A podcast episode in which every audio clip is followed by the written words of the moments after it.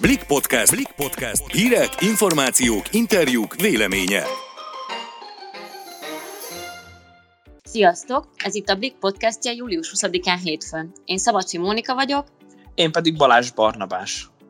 Mai adásunkban arról beszélgetünk, hogy neves hazai szakemberek szigorítanák a szájmasz használatát.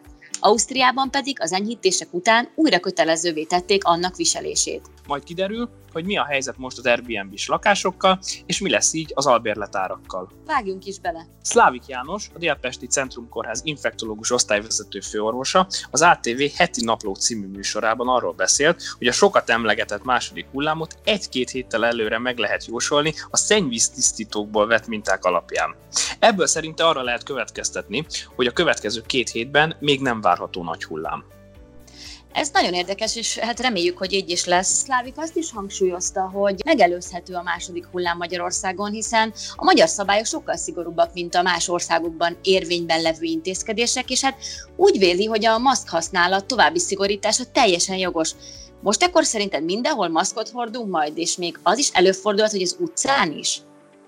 Korábban ugye nem volt kötelező az utcákon itthon, így szerintem ezt csak akkor lépik meg, ha a második hullám tényleg pusztítónak tűnik. Amit első körben szigorítani lehet, az szerintem az ellenőrzés, hiszen látjuk jól, hogy lazult a fegyelem, az üzletek dolgozói pedig szinte már belefáradtak a vevőik állandó megrendszabályozásába. Képzeld, nemrég Németországban azt tapasztaltam, hogy hát vacsorázni voltunk egy étteremben, és itt már ugye alapból mazba kell bemenni, azt először az asztalnál veheted le, majd ha esetleg elmennél mosdóba, akkor is viselned kell a maszkot, és hát amikor távozol, szintén fel kell venni. De nem ez volt a legfurcsább, vagy érdekesebb, nem is tudom melyik a jó szó rá, hanem az, hogy amikor leültünk az asztalhoz, kaptunk egy papírt, amit hát ki kellett töltenünk az adatainkkal, meg kellett adni az elérhetőségeinket, Valószínűleg azért, hogy utólag vissza tudják követni, hogy kik voltak ott aznap az étteremben, ha ne talántán kiderülne, hogy volt ott egy koronavírusos is. Amúgy nem csak az étterembe kellett egy ilyet kitölteni, hanem egy olyan fagyizóba is, ahol egy szabadtéren levő asztalhoz ültünk le. De például a benzinkúton is mazba kell tankolni. Úgy érzem, hogy ezekkel a korlátozásokkal azért együtt lehet élni. Az például, hogy könnyen visszakövethetőek a vendégek kifejezetten jó ötlet, ami ráadásul nem is jár sok macerával és hatékony módszer lehet. Elképzelhető, hogy itthon is hasonló lépés várható. Szlávik mellett a maszk használat szigorítása pártján van Merkeli Béla is, a Semmelweis Egyetem rektora szerint például vissza kell térni a zárt térben való maszkhasználatra. Erről épp néhány nappal ezelőtt beszélt. Igen, ugyanis a nagy meleg miatt az emberek logikusan a zárt, légkondicionált helyiségben töltik az idejük nagy részét, és ott, ahol hát sok ember van együtt, logikus, hogy a vírus is fertőzőképes marad. Ezért kellene szerinte visszatérni a maszk használatára, például az irodákban. Ha ezt tényleg kötelezővé teszik azonban, hát én azt gondolom, hogy az egész ország már akiknek megoldható, visszáll a teljes home office-ra, mert hát ugye kibírna 8 órát egy maszkban ülve végig dolgozni. Nem tudom, te hogy vagy veled, de én még a boltban sem bírok sok időt tölteni a maszkban, mert még mindig zavar a viselete, pedig abban bíztam, hogy most arra azért hozzászakom majd. A vásárlást még valahogy elviselem maszkban, tulajdonképpen megedződtem az elmúlt pár hónapban, de dolgozni biztos, hogy nem tudnék így, pláne nem nyáron, amikor az ember csak izzad valamennyire. De pont a meleg miatt tömörülnek sokan légkondicionált helyeken, ami, ahogy ugye említetted, érthető módon segíti a járvány terjedését.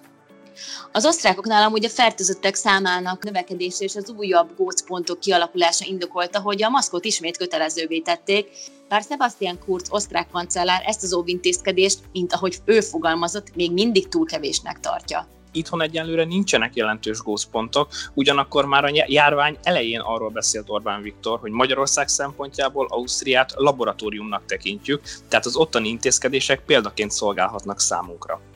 Ha ezt veszük alapul, akkor elég valószínű, hogy idővel nálunk is jön szigorítás.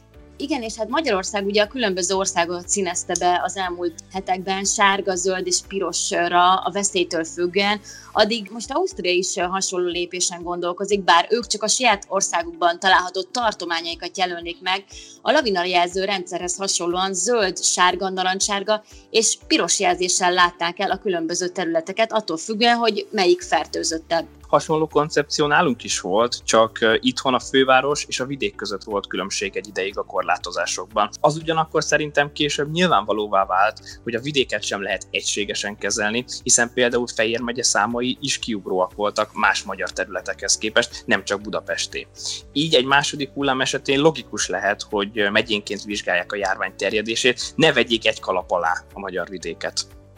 Igen, és ugye például Vas megyében szinte nem is volt fertőzött, Szóval meglátjuk, mi lesz. Reménykedjünk abban, hogy végül semmilyen szigorításra nem lesz szükség, mert elkerül minket a második hullám, bár sajnos erre egyre kisebb az esélye, hogy azt a környező országok növekvő számai mutatják. A folytatásban Sélei Noémi kolléganőnk beszélget Balog Lászlóval, az ingatlan.com vezető elemzőjével arról, hogy milyen hatással lehet az ingatlanpiacra, az albérletárakra és a rövidtávú lakáskiadásra az Airbnb szigorítása, amelyet lehetővé tesz egy nemrég kihirdetett törvény.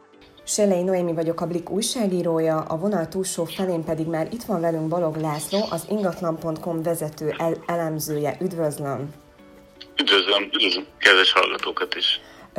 Megszavazta az országgyűlés a rövid távú lakáskiadást szabályozó törvénymódosítást, amelynek tulajdonképpen az a lényege, hogy innentől kezdve az önkormányzatok szabhatják meg, évi hány napra adható ki egy Airbnb lakás. Sokan ettől azt várják, hogy csökkennek az albérlet, illetve az ingatlan, ingatlanok árai. A törvény módosítása gyakorlatban hogyan hathat az árakra? Azt már az elmúlt négy hónapban is megfigyelhettük, hogy ha természetes módon ürülnek ki ezek a lakáshotelek, akkor az milyen hatással van a lakáspiacra. Mind az, a kiadó, mind pedig az eladó lakások kínálati árai csökkenésnek indultak február óta. A kiadó lakások átlagos bérleti díja Budapesten 10%-kal csökkent, és a belső kerületekben, az 5.-6. kerületben pedig egy 30-40 ezer forintos átcsökkenés ment végbe. Ezzel párhuzamosan, mivel a, ezek a lakáshotelek és rövidtávra kiadó lakások üresen álltak, a tulajdonosok kényszerűségből ugyan, de a hosszú távú bérbeadói piacra töltötték föl ezeket az ingatlanokat. Nálunk is gyakorlatilag 30%-kal nőtt a fővárosi kiadó lakás hirdetések száma, az 5., 6., 7. kerületben pedig a magánszemélyek által feltöltött hirdetések száma 60-70%-kal bővült. Ez a fajta kínálat bővülés pedig további átcsökkenést vetíthet előre, hogyha, hogyha az önkormányzatok véglegesítik azt, azokat a szabályokat, amely szerint csak korlátozott ideig lehet hasznosítani rövid távú kiadás formájában ezeket az ingatlanokat. Sokan üdvözölve fogadhatják ugye ezt a hírt, gondolok itt például ugye a belváros lakóira, viszont mert ugye sok konfliktusuk volt az Airbnb lakáskiadókkal, főleg a külföldiek miatt, de ugye ott van a másik oldal is, az Airbnb-ket üzemeltető cégek, illetve a magánszálláshely kiadók is, Számítanak arra, hogy egy jelentős százalékuk eltűnik a piacról, akár a nagyobb cégek is a sülyeztőben köthetnek ki, akik a rövid távú lakáskiadással foglalkoznak? Mint minden éremnek, ennek a helyzetnek is két oldala van. Egyfelől ugye a, ha szabályozás miatt, vagy a járványhelyzet miatt üresen állnak ezek a rövid távra kiadó lakások, akkor nőhet a hosszú távra bérbeadó ingatlanoknak a kínálata, és valamelyes csökkenhet a belvárosi ingatlanok értéke is, hiszen mint befektetési eszköz ez már nem képes annyi jövedelmet termelni, mint korábban. A másik oldalról viszont ez az iparág, hiszen nevezhetjük iparágra is ezt a, ezt a közösségi gazdaságtan alapelvein 有股 magánszemélyektől magánszemélyek számára kiadó lakásoknak az, az iparágát, amire egyébként vendéglátás és turizmus is ráépült. Ez több tíz milliárd forintnyi hozzáadott értéket termelt az ország és az önkormányzatok számára. Tehát ez egy jelentős gazdasági erő, ami összességében bővült a belvárosban az ideérkező, bár néhány napot itt töltő külföldi turisták részéről. Természetesen ez a kapcsolat, tehát a turisták és a hosszú távon itt élők kapcsolata, az együttélés az emiatt nehézkessé is vált, hiszen a két csoport életmódja nagyon nagy mértékben eltér egymástól, Tehát ezért is szabályozhatják az önkormányzatok, hogy milyen korlátozásokat vezetnek be, és milyen mértékben tiltják be a rövidtávú lakáskiadást a fennhatóságuk alá tartozó kerületekben.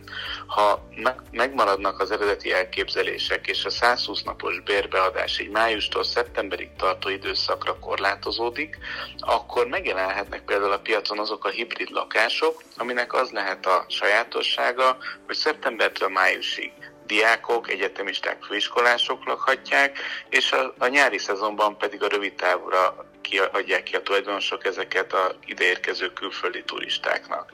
Ez egyébként további előnyökkel kecsegtethet a főiskolások és egyetemisták számára is, hiszen a tulajdonosok lehet, hogy kedvezményeket ajánlanak föl számukra ezekben az átmeneti hónapokban, hogyha vállalják a nyári időszakra történő kiköltözést is. Köszönjük, hogy a Blik podcastjét hallgattátok, legközelebb szerdán találkozunk. Sziasztok! Sziasztok!